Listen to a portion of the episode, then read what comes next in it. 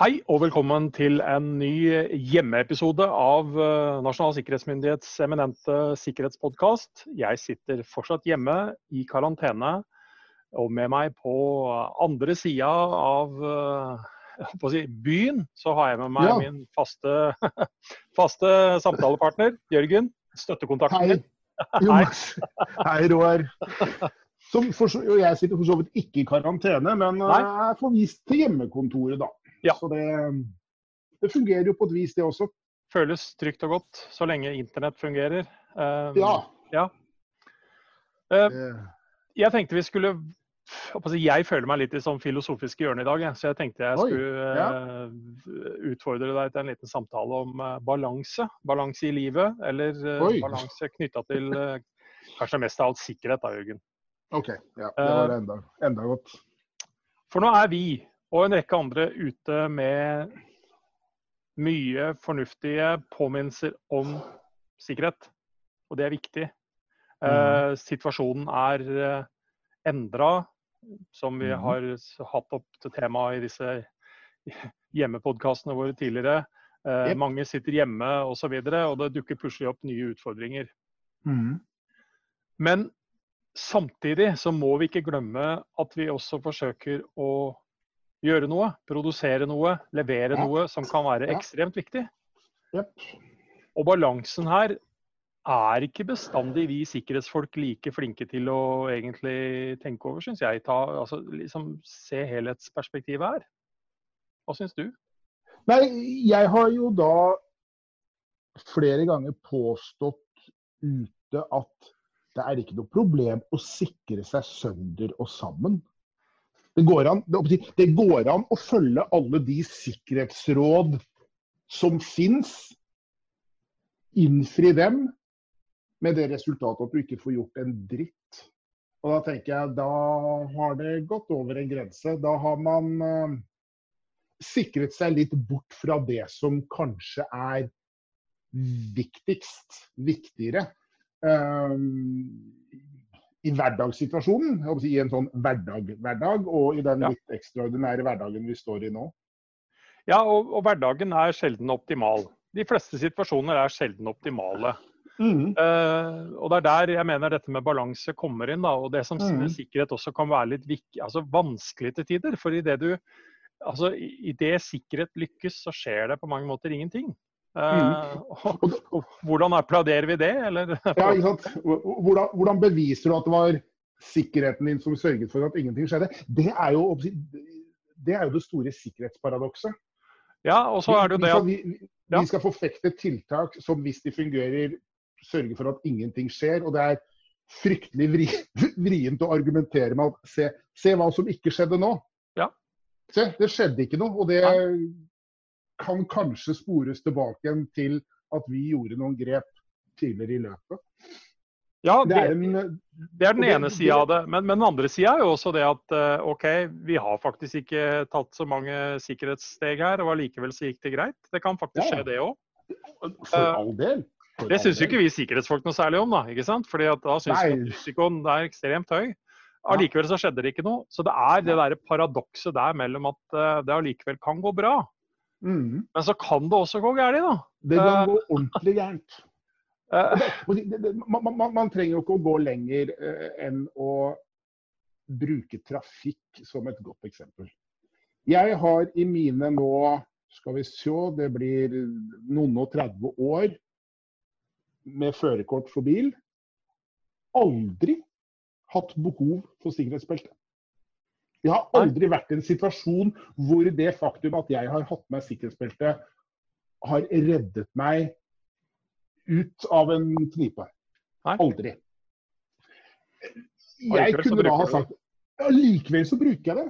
Allikevel så gjør man jo de sikringstiltakene fordi man jo da intuitivt vet hva som skjer den dagen du faktisk havner i en situasjon hvor dette er nødvendig. Og det, det, det blir litt sånn i den virkeligheten, den sikkerhetshverdagen vi står i nå. Eh, man, må, man må liksom forstå de Det heter vel risikoer nå, det heter ikke risiki lenger. Risikoer. Ja. Eh, man man må forstå de verdiene og de risikoene man da løper ved å ikke gjennomføre disse sikkerhetstiltakene. Og så må jo sikkerhetstiltakene stå litt i stil til, og de må være jeg, forholdsmessig kloke sammenlignet med det man da skal sikre. Og Det er kanskje der man har den største utfordringen i disse dager. Det er jo verdivurderingene, skadevurderingene ja. av, en, av, av, en, ny setting, og kanskje i en helt ny setting når du sitter hjemme på ditt eget kjøkkenbord, uh, istedenfor å sitte da på kontoret ditt i virksomheten din, hvor ting kanskje er skrudd sammen og skrudd til på en litt annen måte. Men, altså, men med det her, jeg, jeg synes altså balansen da, mellom å krisemaksimere så mye i forhold til sikkerhet at at man i verste fall ikke tør å rett og slett kommunisere en ting eh, som pga. at man opplever at man ikke har optimale sikkerhetstiltak akkurat rundt den ene tingen. Og Nå må jeg, nå må jeg presisere at jeg, ikke, jeg tenker ikke noe på høyt sikkerhetsgradert informasjon. Jeg tenker på nei, nei. generell informasjon som, som, en bedrift rett og slett er avhengig av. Mm. Uh, og at man nærmest da unnlater å kommunisere noe som fører til at uh, man har ikke optimal produksjon, man har ikke optimale leveranser i, altså i pressede situasjoner. Da. Det er der den balansen der jeg syns er, er viktig. Der, faktisk, ja.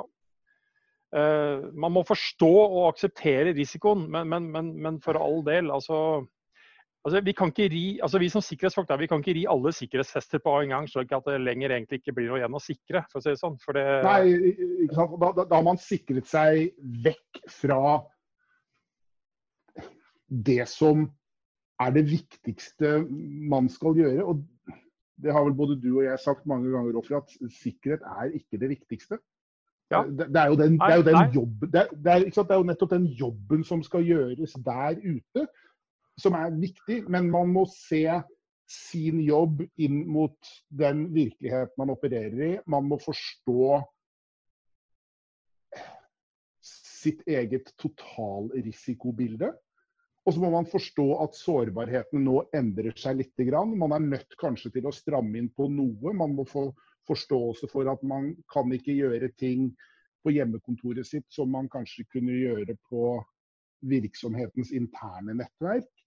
Og så må man jo da Og så må man akseptere høyere risiko kanskje på noe annet som er akseptabelt. Så, så, må, man, så må man nettopp, ikke sant. Men det, det er den herre forståelsen av den virkeligheten du står i, at du tar kanskje et valg i én retning som du ikke ville tatt i en vanlig hverdag, men gjør nye vurderinger. Um, hva, hva, er det viktigste jeg skal gjøre nå?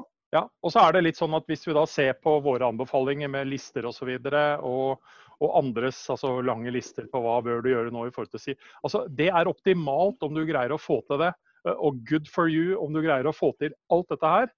Men, ja. men, men du, du, kan ikke sånn sett la det stoppe altså, virksomheten din. Altså, men, men, igjen, vi er ikke talsmenn nå for null sikkerhet. Det er ikke det vi sier, men det handler om å finne balansen.